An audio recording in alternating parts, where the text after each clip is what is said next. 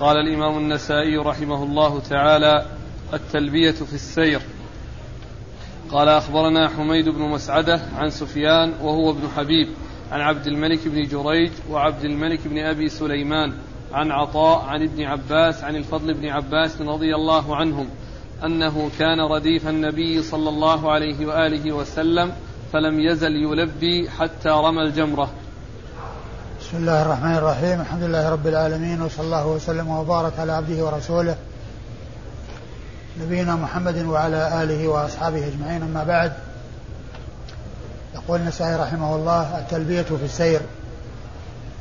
أي في السير من مزدلفة إلى إلى الجمرة إلى العق... إلى جمرة العقبة أو من مزدلفة إلى منى. ومقصود النسائي من هذه الترجمة بعد أن مر ذكر التلبية في مزدلفة أتى بما يدل على التلبية في السير من مزدلفة إلى منى. وأورد في حديث الفضل بن عباس رضي الله تعالى عنهما أنه كان رديف النبي صلى الله عليه وسلم يعني في الانصراف من مزدلفة إلى منى وكان عليه الصلاة والسلام يلبي حتى رمى جمرة العقبة. ومعلوم أن النبي صلى الله عليه وسلم في سيره من عرفة إلى مزدلفة أردف أسامة بن زيد رضي الله تعالى عنهما وفي سيره من من, مزدلفة إلى منى أردف الفضل بن العباس رضي الله تعالى عنهما وأخبر الفضل بن عباس رضي الله تعالى عنهما عن النبي صلى الله عليه وسلم أنه كان يلبي في سيره حيث كان معه رديفا على الراحلة حتى رمى جمرة العقبة أي في السير وهو سائر إلى الجمرة من منصرفه من مزدلفة. وهو يلبي. وقد عرفنا فيما مضى أن الذي يحرم بالحج فإنه يلبي في جميع أحوال إحرامه حتى يرمي جمرة العقبة. واختلف في المراد برمي جمرة العقبة هل هو الشروع بها أو إتمامها. على قولين للعلماء. منهم من قال إنه عندما يبدأ يقطع التلبية. ومنهم من يقول عندما ينتهي يقطع التلبية. وعلى هذا فقوله عليه فقول الفضل بن عباس حتى رمى جمرة العقبة فسر أنه حتى شرع في رميها على القول الأول وهو قول الجمهور وعلى القول الثاني أنه حتى فرغ منها وقال به بعض الفقهاء لكن جاء في صحيح ابن خزيمة وذكره الحافظ بن حجر في فتح الباري وهو حديث صحيح قال عنه إنه حديث صحيح ما يدل على أن المقصود الفراغ منها. وقد ذكر أنه عند آخر حصاد من رمي جمرة العقبة. وعلى هذا فحديث أو هذا الحديث الذي في صحيح ابن خزيمة يعين المقصود ويبين المراد وهو أن المقصود من ذلك الانتهاء من جمرة أو من رمي جمرة العقبة. قال أخبرنا حميد بن مسعدة. أخبرنا حميد بن مسعدة البصري وهو صدوق أخرج حديثه مسلم وأصحاب السنة الأربعة. عن سفيان وهو ابن حبيب. عن سفيان وهو ابن حبيب وهو ثقة أخرج حديثه البخاري في الأدب المفرد وأصحاب السنة الأربعة. عن عبد الملك بن جريج. عن عبد الملك بن جريج عبد الملك بن عبد العزيز ابن جريج المكي ثقة فقيه. يرسل ويدلس وحديثه أخرجه أصحاب الكتب الستة. وعبد الملك بن أبي سليمان. وعبد الملك بن أبي سليمان وهو صدوق له أوهام وحديثه أخرجه البخاري تعليقا ومسلم وأصحاب السنن الأربعة. عن عطاء. عن عطاء وهو بن أبي رباح المكي وهو ثقة أخرج حديثه أصحاب الكتب الستة. عن ابن عباس عبد الله بن عباس ابن عبد المطلب ابن عم النبي صلى الله عليه وسلم وأحد العبادلة الأربعة من أصحابه الكرام وأحد السبعة المعروفين بكثرة الحديث عن النبي صلى الله عليه وسلم عن أخيه الفضل بن العباس رضي الله تعالى عنهما وهو أكبر أولاد العباس وبه يكنى وكذلك تكنى به أم الفضل تكنى به لبابة بن الحارث الهلالية يقال لها أم الفضل. وحديثه أخرجه أصحاب الكتب الستة.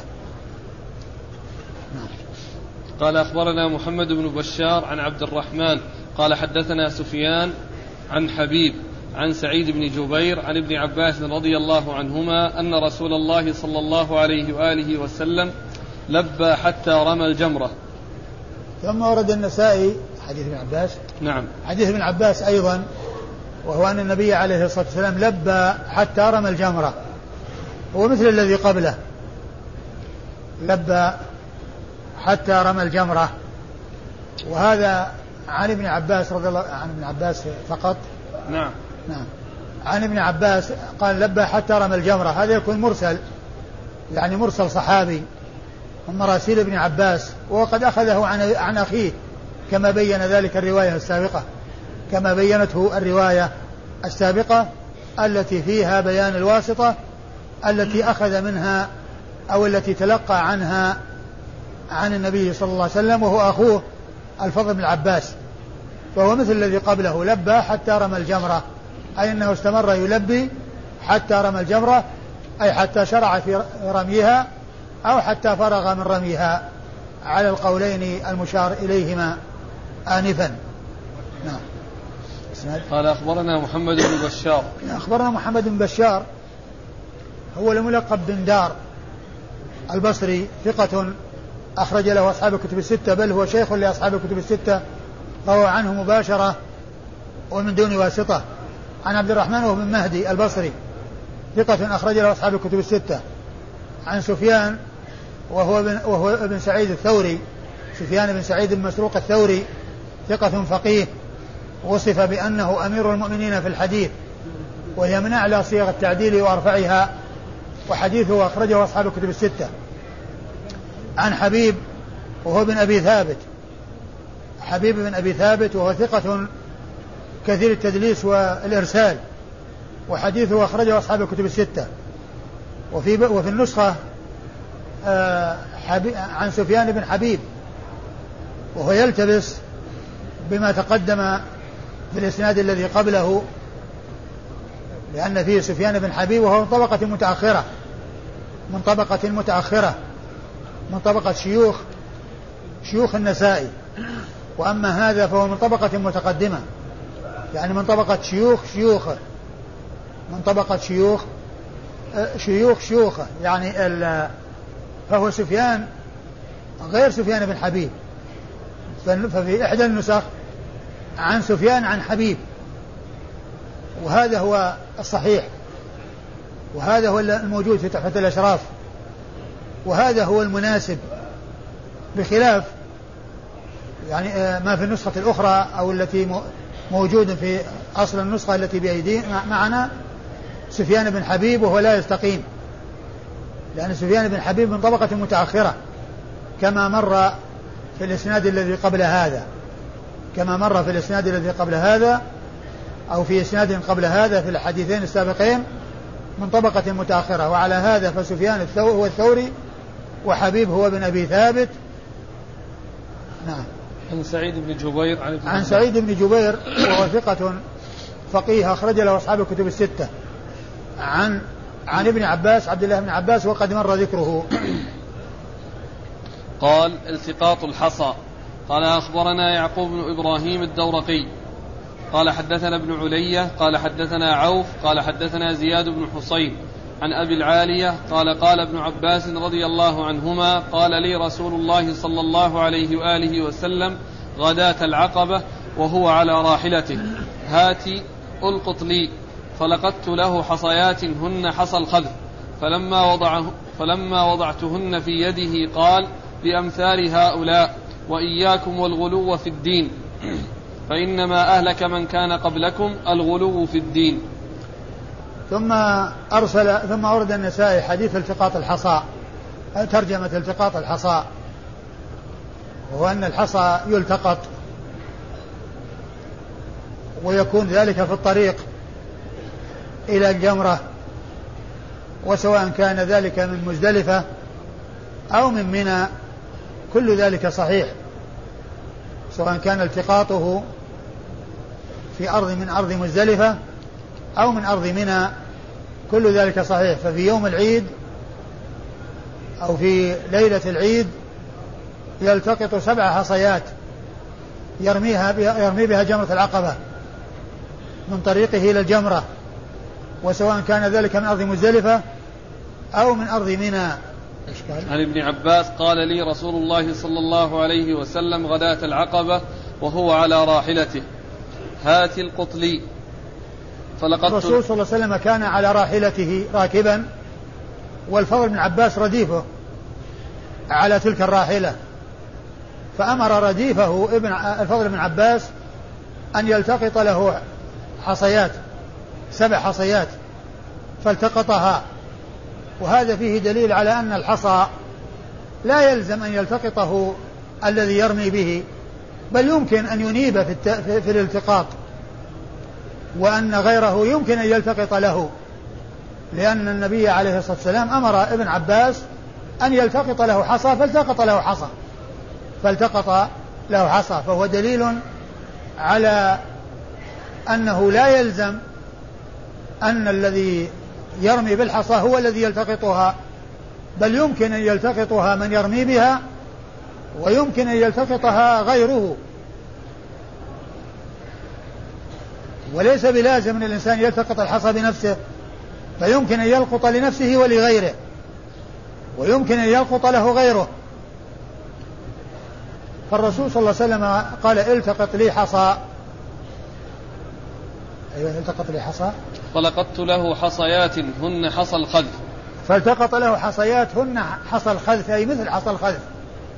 هن مثل حصى الخذف وهي الحصى التي فوق الحمص ودون البندق وهي التي يرمى بها بين الإصبعين.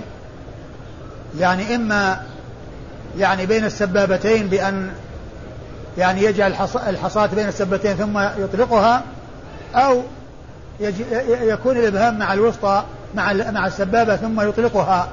يعني مناحة صغير على مقدار يعني ما يفعل. بالخذف في اليد. يعني معنى ليس بالكبير. ليس بالصغير جدا وليس بالكبير وإنما هو بهذا المقدار. أيوه. فلما وضعتهن في يده قال بأمثال هؤلاء وإياكم والغلو في الدين فإنما أهلك من كان قبلكم الغلو في الدين. فلما لقطهن ابن عباس ووضعهن في يد الرسول صلى الله عليه وسلم جعل يقلبهن ويحركهن بيده والناس يرون وقال عليه الصلاة والسلام بمثل هذا يعني ارموا بمثل هذا ارموا وإياكم والغلو.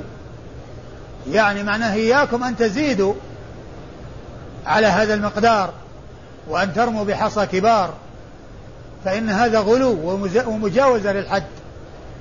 ومثل ذلك أن يرمى بغير الحجارة.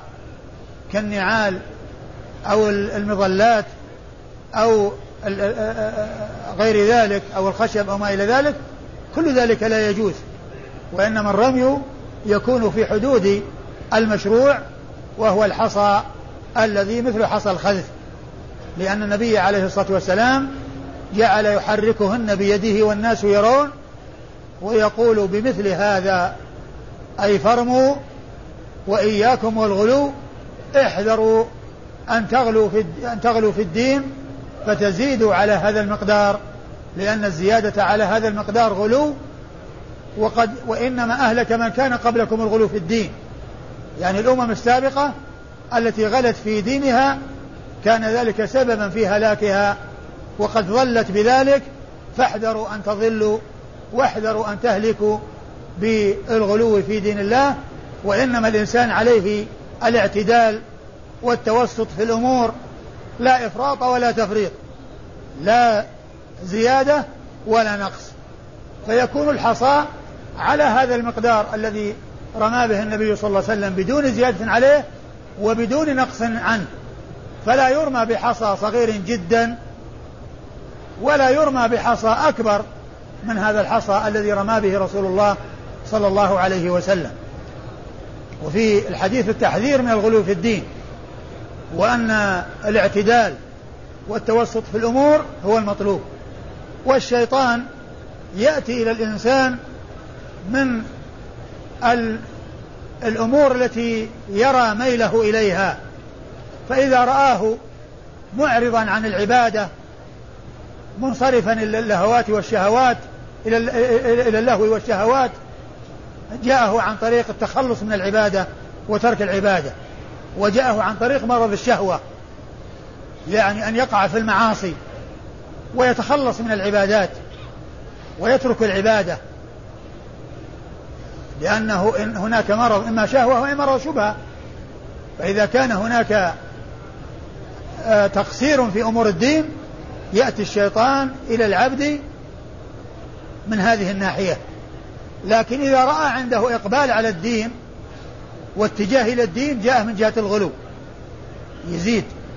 يريد من أن يزيد. وأن يتجاوز الحد فيوجد منه الغلو. وهذا مرض الشبهة. وهذا مرض الشبهة الذي هو الزيادة. يعني يأتي بزيادة على المشروع. لأن لأن هناك مرض شهوة ومرض شبهة. مرض الشهوة هو الذي يتعلق بالرغبة في الوقوع في الملذات وقد تكون محرمة. وقد قال عليه الصلاة والسلام حفت الجنة بالمكاره وحفت النار بالشهوات. أي أن الشهوات توصل إلى النار إذا استرسل الإنسان معها وأقدم على ما تشتهي نفسه ولو كان ذلك حراما. وأما الشبهات فيأتي عن طريق الفتنة في الدين وعن طريق الغلو في الدين ولهذا قال عليه الصلاة والسلام وإياكم والغلو فإنما أهلك من كان قبلكم الغلو في الدين. فإنما أهلك من كان قبلكم الغلو في الدين يعني سببا في هلاكهم حيث غلوا في دينهم وتجاوزوا الحدود التي حدت لهم. والإنسان عليه أن يأخذ في حدود ما أمر به لا يقصر ولا يزيد. لا يقصر ولا يزيد. لا يغلو في الدين ولا ينقص عن الشيء الذي أمر به في دين الله عز وجل. نعم. قال أخبرنا يعقوب بن إبراهيم الدورقي. أخبرنا يعقوب بن إبراهيم الدورقي ثقة أخرج له أصحاب الكتب الستة بل هو شيخ لأصحاب الكتب الستة. روى عنه مباشرة بدون واسطة. عن ابن علية. عن ابن علية هو إسماعيل بن إبراهيم بن مقسم المشهور بابن علية نسبة إلى أمة. وهو ثقة أخرج حديثه أصحاب الكتب الستة. عن عوف. عن عوف وهو ابن أبي جميلة الأعرابي وهو ثقة أخرج له أصحاب الكتب الستة. عن زياد بن حصين. عن زياد بن حصين وهو ثقة نعم. أخرج له. مسلم والنسائي وابن ماجه. وهو ثقة أخرجه مسلم والنسائي وابن ماجه. عن أبي العالية. عن أبي العالية هو رفيع الرياحي وهو ثقة يرسل وحديثه أخرجه أصحاب الكتب الستة. عن ابن عباس. عن ابن عباس وهو الفضل بن عباس رضي الله تعالى عنهما لأنه لا يصلح أن يكون ابن عباس عبد الله لأنه قال التقط لي لأنه لو لم يكن فيه المخاطبة بأن يلتقط له لا أمكن أن يكون عن ابن عباس وهو المشهور حيث حيث لا يسمى ويكون من مراسيل. ويكون أخذه عن أخيه مثل الحديث الذي قبل هذا الذي يتقول لبى حتى رمى الجمرة. فإنه يعني يكون من مراسيل ابن عباس يأخذه عن أخيه. وابن عباس له مراسيل كثيرة لأنه من صغار الصحابة. وهو يروي عن الصحابة وأحاديثه وهو من المكثرين من الرواية. و وفي أحاديث المراسيل ومراسيل الصحابة كلها حجة ومعتمدة. لأنهم لا يرون إلا عن الصحابة. لأنهم لا يرون إلا عن الصحابة وإذا رووا عن غيرهم بينوا. وعلى هذا فالمقصود ابن عباس هنا الفضل وليس عبد الله لأن عبد الله كان مقدما. أرسل مع الضعفة إلى منى. في آخر الليل. ولم يبقى مع النبي صلى الله عليه وسلم بعد صلاة الفجر حتى أسفر جدا وانطلق. بل الذي بقي معه أخوه الفضل بن عباس وكان رديفه. وهو الذي التقط له الحصى لأنه قال التقط لي حصى. أما ابن عباس ما هو موجود معه في الطريق لأنه كان ذهب بالليل إلى منى. فالمراد به هنا الفضل بن عباس الذي كان رديف النبي صلى الله عليه وسلم وهو الذي التقط له الحصى. التقط لي حصى. نعم هو الفضل بن عباس حديثه أخرجه أصحاب الكتب الستة. قال من أين يلتقط الحصى؟ وهم ذكروه في ترجمة ابن عباس. لكن آه، المخاطبة بقوله التقط لي حصى فالتقطت له لا يناسب أن يكون عبد الله بن عباس. لأن عبد الله بن عباس من الذين قدموا آخر الليل. والفضل أخوه الكبير هو الذي كان رديف النبي صلى الله عليه وسلم وهو الذي نزل من الراحلة والتقط الحصى. قال من أين يلتقط؟ قال أخبرنا عبيد الله بن سعيد. قال حدثنا يحيى عن ابن جريج. قال أخبرني أبو الزبير عن أبي معبد عن عبد الله بن عباس عن الفضل بن عباس رضي الله عنهم أنه قال قال رسول الله صلى الله عليه وآله وسلم للناس حين دفعوا عشية عرفة وغداة جمع عليكم بالسكينة. وهو كاف ناقته. حتى إذا دخل منى فهبط حين هبط محسرا قال عليكم بحصى الخذف الذي ترمى به الجمرة. قال والنبي صلى الله عليه وآله وسلم يشير بيده كما يخذف الإنسان. ثم أورد النسائي من أين يلتقط الحصى؟ من أين يلتقط الحصى؟ أي حصى الجمار. وأورد فيه حديث الفضل بن عباس. رضي الله تعالى عنه. وقد كان رديف النبي صلى الله عليه وسلم أنه عشية عرفة وغداة جمع يعني أنه في طريقه من عرفة إلى مزدلفة وفي طريقه مزدلفة إلى منى كان يأمر الناس بالسكينة. في الطريق من عرفة إلى مزدلفة كان رديف الفضل بن عباس آه، أسامة بن زيد. وفي الطريق من مزدلفة إلى منى رديف الفضل بن عباس. فهو يحكي عن شيء شاهده منه ما يعني في الطريق أو من هذا الطريق ما كان رديفا للنبي صلى الله عليه وسلم ومنها ما كان ما لم يكن رديفا وهو الطريق من عرفة إلى مزدلفة. لكنه مع النبي صلى الله عليه وسلم يعني يشاهد ويعاين. فالرسول صلى الله عليه وسلم كان يقول عليكم بالسكينة. يعني في انصرافهم من عرفة وفي انصرافهم من مزدلفة. يقول عليكم بالسكينة أي الهدوء والسمت وعدم السرعة وعدم العجلة وألا يشق بعضهم على بعض بسبب السرعة وبسبب العجلة وإنما يمشون بالسكينة.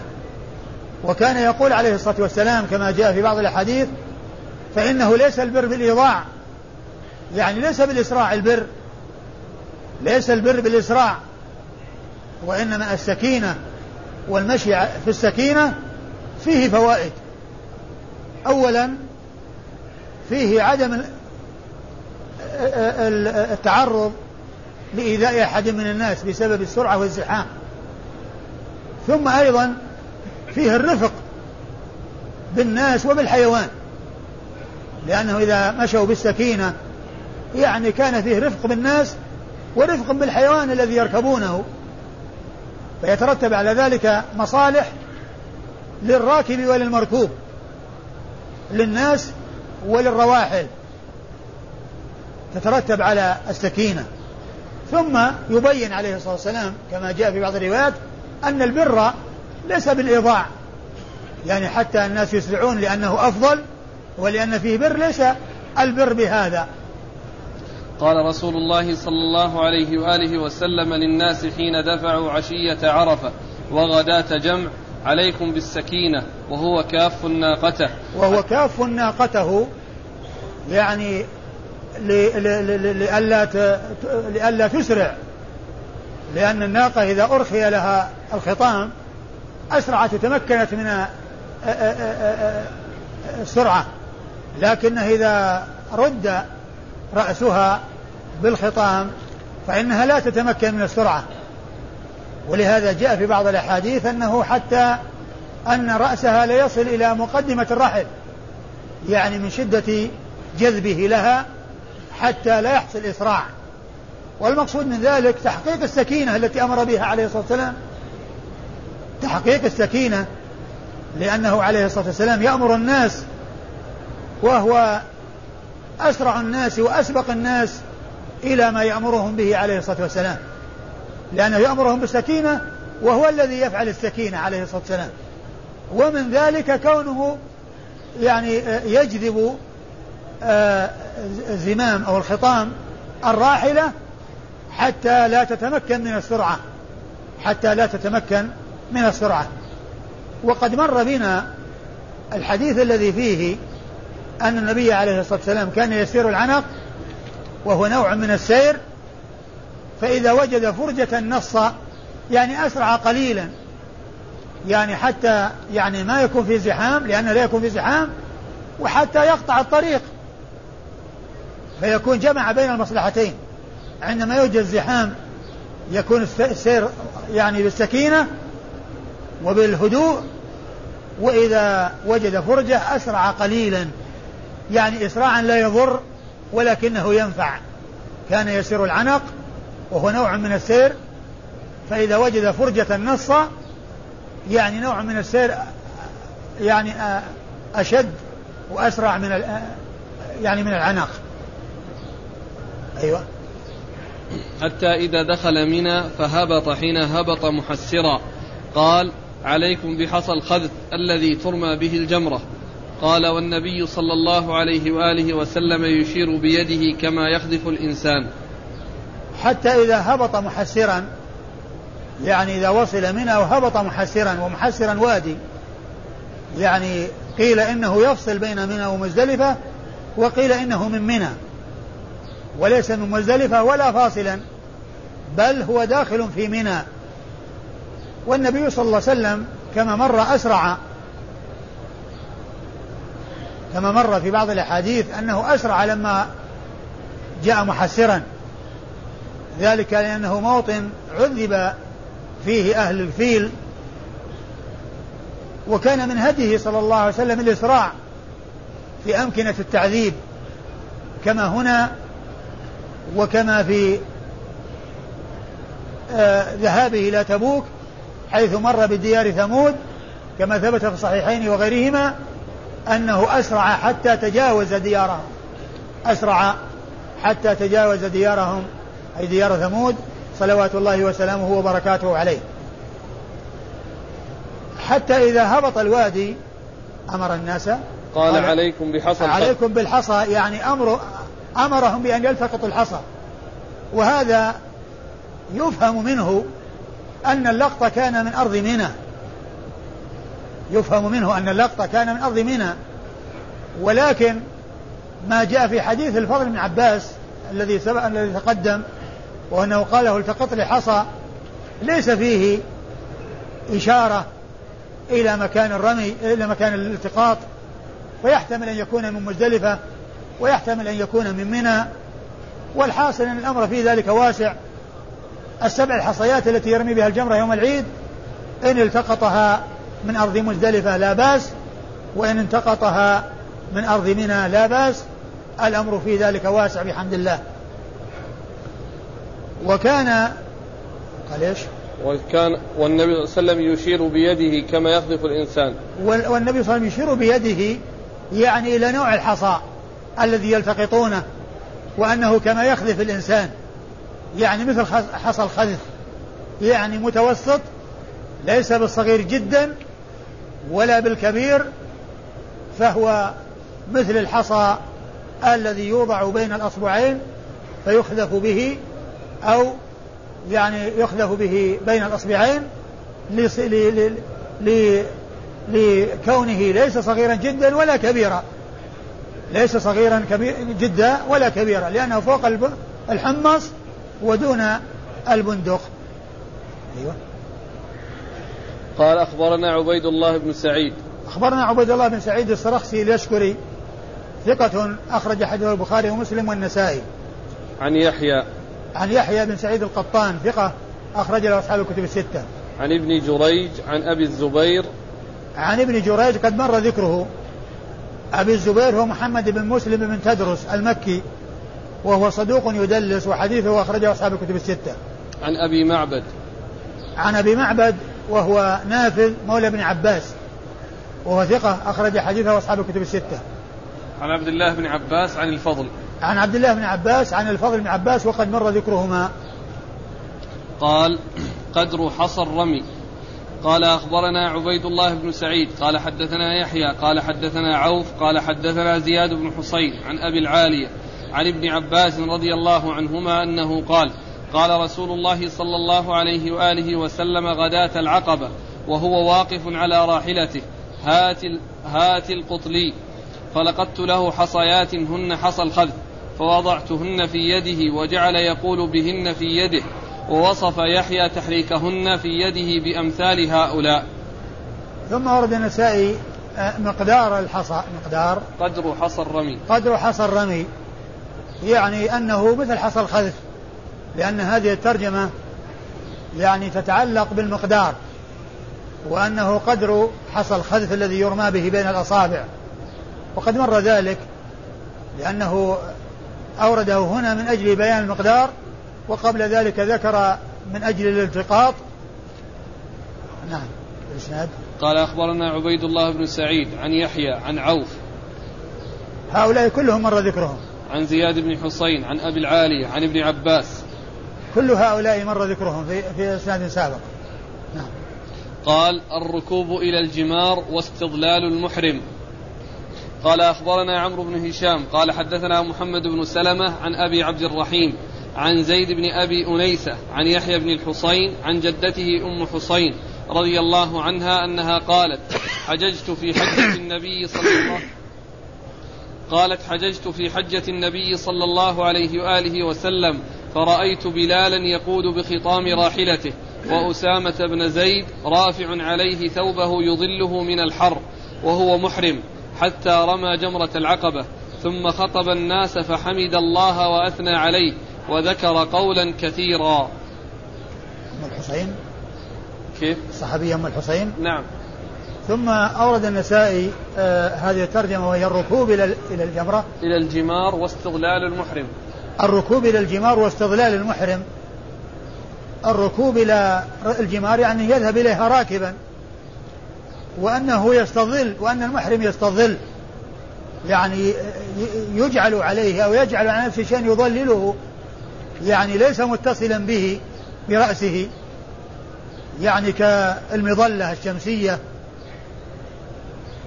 لأن النبي عليه الصلاة والسلام جاء إلى إلى جمرة العقبة راكبا وبلال بن رباح يقود الراحلة وأسامة بن زيد يظلله بثوب يعني يجعله عليه يغطيه من الش... من يمنعه من حرارة الشمس.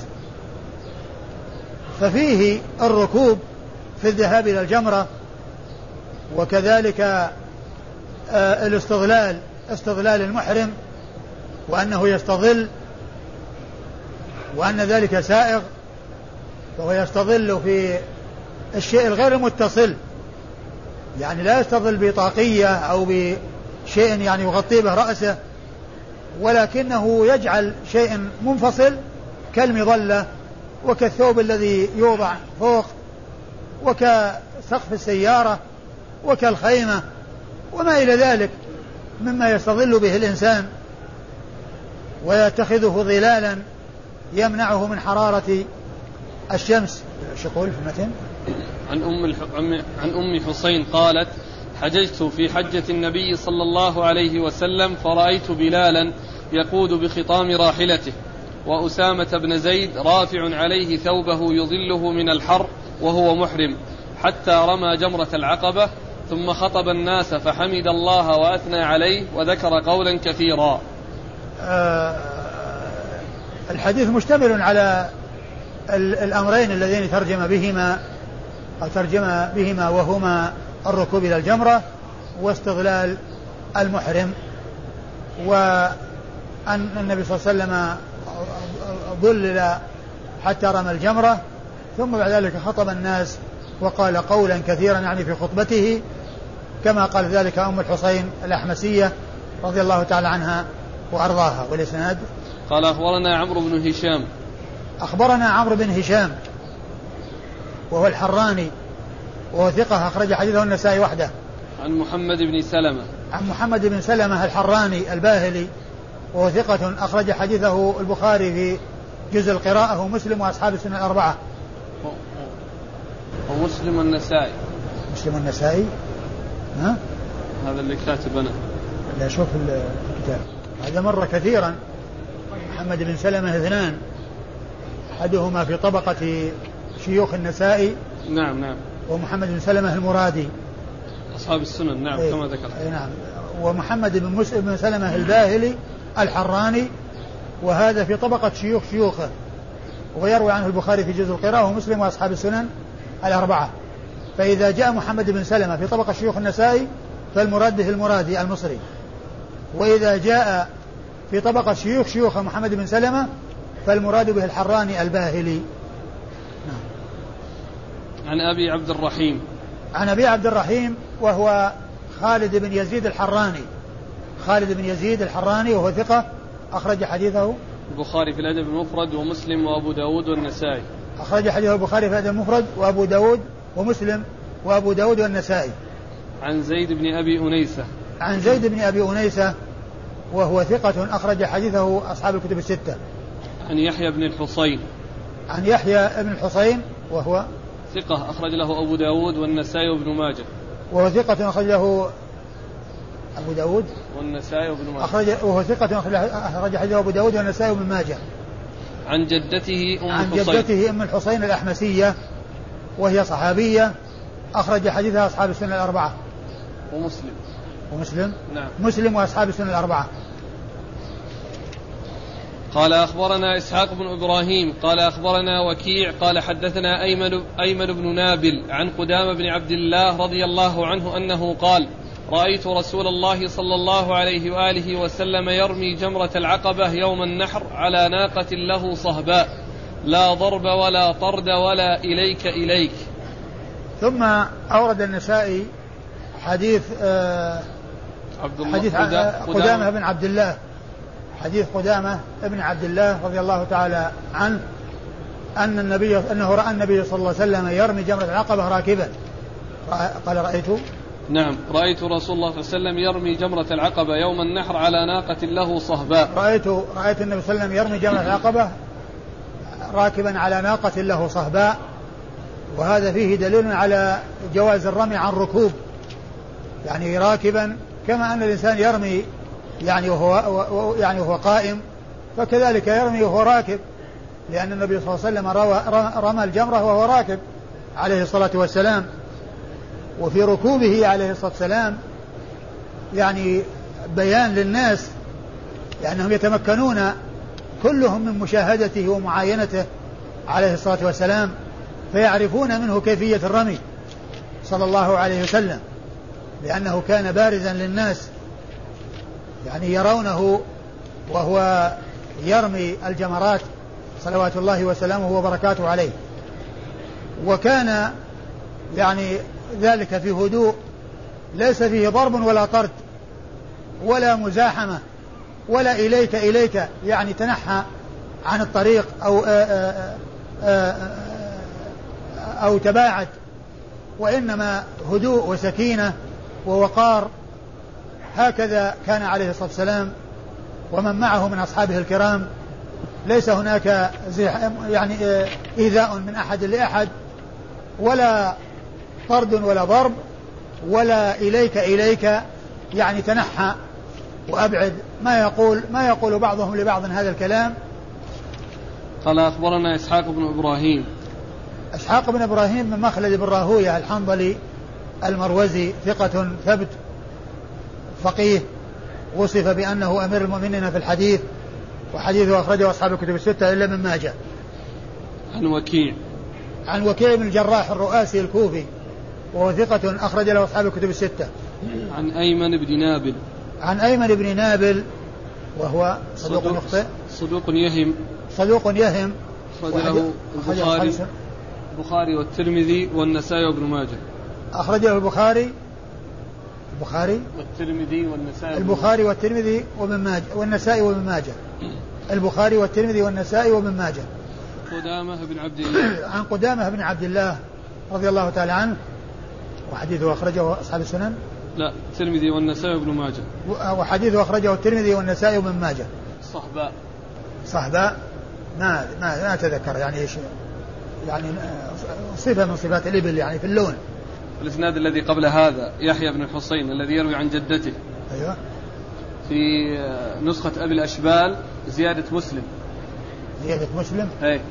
واللي مسلم وأبي داود والنسائي وابن ماجه. مسلم وأبو داود والنسائي وابن ماجه؟ أي. إيه. وأشار إلى لا ما. بدون إشارة؟ ما في شيء. قال أخبرنا عمرو بن علي قال حدثنا يحيى بن سعيد قال حدثنا ابن جريج قال أخبرني أبو الزبير أنه سمع جابر بن عبد الله رضي الله عنهما يقول رأيت رسول الله صلى الله عليه وآله وسلم يرمي الجمرة وهو على بعيره وهو يقول يا أيها الناس خذوا مناسككم فإني لا أدري لعلي لا أحج بعد عامي هذا. ثم أورد النسائي حديث جابر بن عبد الله رضي الله عنه وهو أنه رأى النبي صلى الله عليه وسلم يرمي الجمرة وهو على بعير ويقول يا أيها الناس خذوا مناسككم فإني لا أدري لعلي لا أحج بعد عامي هذا.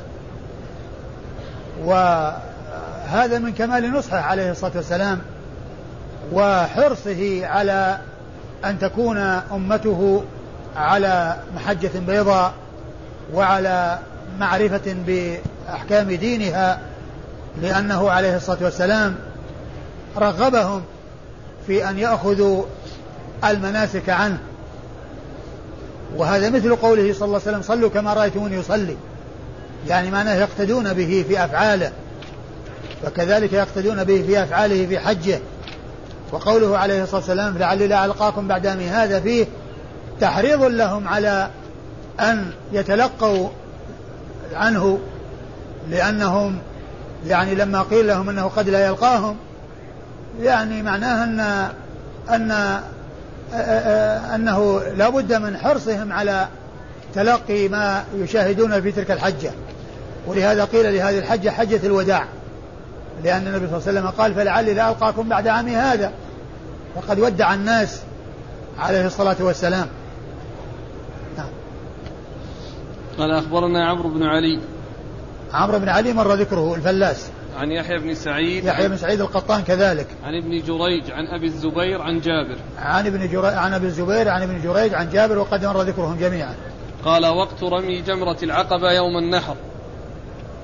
قال أخبرنا محمد بن يحيى بن أيوب بن إبراهيم الثقفي المروزي. قال أخبرنا عبد الله بن إدريس عن ابن جريج عن أبي الزبير عن جابر رضي الله عنه أنه قال رمى رسول الله صلى الله عليه وآله وسلم الجمرة يوم النحر ضحى ورمى بعد يوم النحر إذا زالت الشمس. ثم أورد النسائي وقت رمي الجمرة. يعني وقت رمي يعني بيان الوقت الذي ترمى به الجمار. وأورد حديث جابر وهو أن النبي عليه الصلاة والسلام يوم العيد رمى الجمرة ضحى لأنه عليه الصلاة والسلام كان في مزدلفة إلى قرب طلوع الشمس. ثم مشى ووصل إلى الجمرة وقد احترت الشمس. ولهذا ظلل عليه بثوب عليه الصلاة والسلام. وكان ذلك ضحى. وفي وقت الحرارة واحترار الشمس لأنه كان في مزدلفة مستمرا في الوقوف إلى قرب طلوع الشمس. ثم وكان عند المسجد يعني في المكان المعروف من مزدلفة ومشى هذه المسافة ووصل إلى الجمرة وذهب إلى الجمرة رأسا وحصل أن ذلك كان في الضحى وقد احتر الشمس وظلل عليه بثوب. والحديث حديث جابر فيه أنه رماها ضحى أنه رماها ضحى والحديث الذي قبله فيه أنه في وقت حرارة الشمس وأنه قد ظلل عليه بثوب. يستره عن الشمس صلى الله عليه وسلم. وهذا بالنسبة ليوم العيد. ويوم العيد الوقت كله رمي وقت للرمي. النهار من أوله إلى آخره. من طلوع الشمس إلى غروب الشمس كله وقت للرمي. وإذا لم يتمكن الإنسان من الرمي قبل الغروب فإنه يرمي بعد الغروب. ولا بأس بذلك لأنه كله داخل في المساء. لكن كونه يرمي قبل الغروب هذا هو الأولى. لا سيما واليوم كله وقت للرمي. فلا يكون في آخر النهار زحام والزحام يكون في أول النهار. فالأمر في ذلك واسع. ولكن الرمي في النهار هو الأولى وإذا رمى الإنسان بالليل بعده فإنه لا بأس بذلك لأنه يدخل في المساء. وذكر أيضا أن أن الأيام الأخر يرمي بعد الزوال. أيام التشريق الثلاثة كان يرمي بعد الزوال وكان ينتظر الزوال. فإذا زالت الشمس رمى الجمرات الثلاث بدءا بالأولى ثم الوسطى ثم جمرة العقبة. ثم يذهب إلى مسجد الخيف ويصلي بالناس صلاة الظهر عليه الصلاة والسلام. أي أنه كان يرمي الجمار قبل صلاة الظهر ولكن بعد دخول وقت الظهر. بعد دخول وقت الظهر وحصول الزوال يرمي الجمرات الثلاث ثم يذهب إلى مسجد الخيف ويصلي بالناس الظهر صلوات الله وسلامه وبركاته عليه. وكونه عليه الصلاة والسلام رمى الجمرات الثلاث في أيام التشريق الثلاثة بعد الزوال ولم يفعل ذلك قبل الزوال في يوم واحد من الأيام الثلاثة حتى يبين أن ذلك جائز أي قبل الزوال دل على أنه لا يجوز الرمي قبل الزوال. لأن النبي صلى الله عليه وسلم انتظر زوال الشمس ثلاثة أيام متوالية حتى يوم التأخر الذي الناس تعجلوا ولم يبق إلا من تأخر انتظر الزوال حتى زالت الشمس ورمى الجمرات صلوات الله وسلامه وبركاته عليه فهو يدل على أنه لا يجوز تقديم الرمي في الأيام الثلاثة قبل زوال الشمس وإنما يكون الرمي بعد الزوال. وإذا لم يتمكن الإنسان من الرمي قبل الغروب جاز له أن يرمي بعد الغروب يعني في الليل. قال أخبرنا محمد بن يحيى بن أيوب بن إبراهيم الثقفي المروزي. أخبرنا محمد بن يحيى بن أيوب بن إبراهيم المروزي الثقفي وهو ثقة. نعم. أخرج حديث الترمذي والنسائي. نعم. ثقة أخرج حديثه الترمذي والنسائي. عن عبد الله بن إدريس. عن عبد الله بن إدريس الأودي وهو ثقة أخرج له أصحاب الكتب الستة. عن ابن جريج عن أبي الزبير عن جابر. عن ابن جريج عن أبي الزبير عن جابر وقد مر ذكرهم. قال النهي عن رمي جمرة العقبة قبل طلوع الشمس. قال أخبرنا محمد بن عبد الله بن يزيد المقرئ. قال حدثنا سفيان عن سفيان الثوري عن سلمة بن كهيل عن, الحس عن الحسن العرني عن ابن عباس رضي الله عنهما أنه قال بعثنا رسول الله صلى الله عليه وآله وسلم أغيلمة بني عبد المطلب على حمرات يل على حمرات يلطح أفخاذنا. ويقول أبيني لا ترموا جمرة العقبة حتى تطلع الشمس. ثم ورد النسائي هذا الترجمة النهي عن رمي جمرة العقبة قبل طلوع الشمس. النهي عن رمي جمرة العقبة قبل طلوع الشمس. والمقصود من ذلك أن الرسول صلى الله عليه وسلم بين أن الجمرة إنما ترمى بعد طلوع الشمس والنبي صلى الله عليه وسلم رماها في الضحى كما مر في الحديث الذي قبل هذا. و آه، جاء في بعض الأحاديث عن الذين قدمهم النبي صلى الله عليه وسلم أنهم رموا قبل طلوع الشمس. فمن العلماء من حمل هذا النهي على الكراهة وأنه وأن الأولى أن يكون الرمي بعد طلوع الشمس لأنه جاء عن بعض أصحابه الذين قدمهم النبي صلى الله عليه وسلم للجمرة لمناء أنهم رموا الجمرة قبل الصبح. قالوا فهذا يعني هذا النهي يحمل على الكراهة. يعني معناه النهي يكون على الكراهة وأن الأولى هو أن الرمي لا يكون إلا بعد طلوع الشمس. وأن الرمي إذا وجد قبل الطلوع فإنه يصح ولا يترتب عليه شيء. لا يترتب عليه جزاء لأنه جاء يعني فعله من بعض الصحابة الذين قدمهم النبي صلى الله عليه وسلم كبعض أمهات المؤمنين رضي الله تعالى عنهن وأرضاهن. نعم والإسناد؟ قال أخبرنا محمد بن عبد الله بن يزيد المقري. محمد بن عبد الله بن يزيد المقري المكي وهو ثقة أخرج حديثه. النسائي وابن ماجه. أخرج حديثه النسائي وابن ماجه. عن سفيان عن, عن سفيان. وهو بن عيينة. ثقة أخرج له أصحاب الكتب الستة. عن سفيان الثوري قد مر ذكره. عن سلمة بن كهيل. عن سلمة بن كهيل وهو ثقة أخرج له أصحاب الكتب الستة. عن الحسن العرني. عن الحسن بن عبد الله العرني وهو ثقة أرسل عن ابن عباس يعني أن حديثه عن ابن عباس مرسل يعني غير متصل. وعلى هذا فالإسناد يعني فيه انقطاع. لم يذكر الواسطة بينه وبين بين ابن عباس. لكن الحديث الذي بعده يشهد له. الحديث الذي بعده يعني عن ابن عباس نفسه يعني آآ آآ يقويه. ويعني وإن كان أيضا فيه من هو معروف بالتدليس والإرسال لكن يمكن أن يقوي الطريقين بعضهما بعضا. نعم. والحسن العر... الحسن بن عبد الله العرني ثقة أخرج حديثه. أصحاب الكتب إلا الترمذي. أخرج حديثه أصحاب الكتب الستة إلا الترمذي. عن ابن عباس. عن ابن عباس عبد الله بن عباس رضي الله تعالى عنهما وقد مر ذكره. يل يلطح. يلطح يعني يصفد الأفخاذ يعني آه، آه، على سبيل المداعبة وعلى سبيل ال ال ال الإيناس. نعم. أبيني ها؟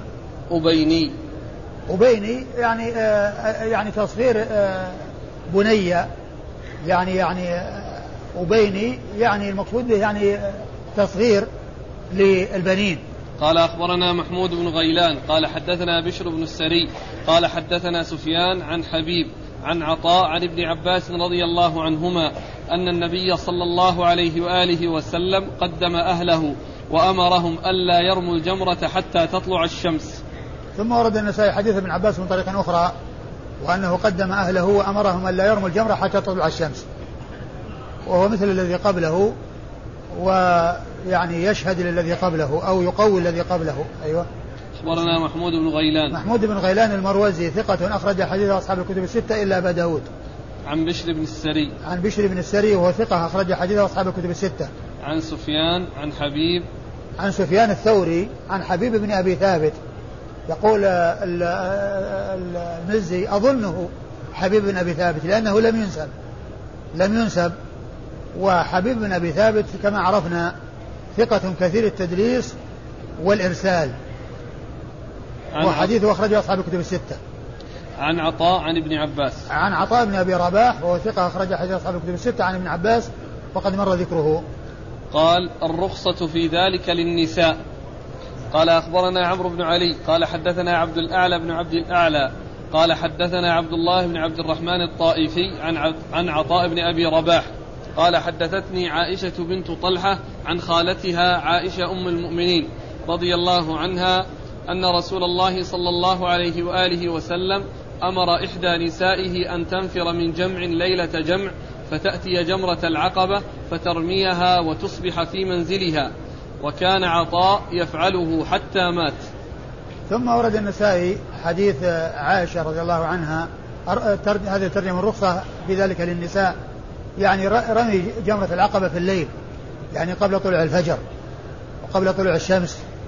وورد في حديث عائشة أم المؤمنين أن النبي صلى الله عليه وسلم رخص أمر إحدى نسائه. أمر إحدى نسائه أن تنصرف من مزدلفة يعني في الليل. أيوة. فتأتي جمرة العقبة فترميها وتصبح في منزلها. فترمي فتأتي جمرة العقبة فترميها وتصبح في منزلها. يعني معناه أنها ترمي الجمرة يعني قبل طلوع الفجر وتصبح في منزلها الذي هو منزلها من منى. يعني وهذا فيه الدلالة على جواز الرمي في الليل في حق من يقدم. وقيده النسائي هنا بالنسبة للنساء لأن الحديث فيه ذكر آه يعني أن أن الذي فعل ذلك إحدى زوجات النبي عليه الصلاة والسلام. وعطاء بن أبي رباح الذي آه يروي الحديث قال كان عطاء يفعله حتى مات. أي أنه يفعل هذا الفعل الذي هو التقدم يعني آه في آخر الليل. والرمي كهذا الرمي الذي رمته إحدى أمهات المؤمنين رضي الله تعالى عنها وأرضاها. والإسناد قال أخبرنا عمرو بن علي عن عبد الأعلى بن عبد الأعلى.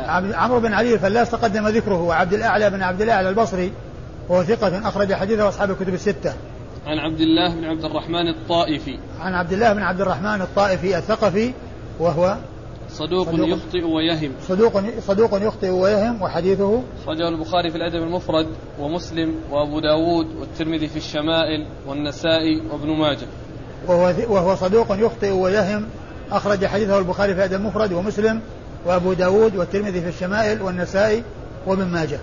عن عطاء بن أبي رباح عن عائشة بنت طلحة. عن عطاء بن أبي رباح وقد مر ذكره عن عن عائشة بنت طلحة وهي طلحة بن عبيد الله. أبوها أحد عشر مبشرين بالجنة. وهي ثقة أخرج حديث أصحاب الكتب الستة. عن عائشة أم المؤمنين آه الصديقة بنت الصديق آه وهي واحدة من سبعة أشخاص. عرفوا بكثرة الحديث عن النبي صلى الله عليه وسلم.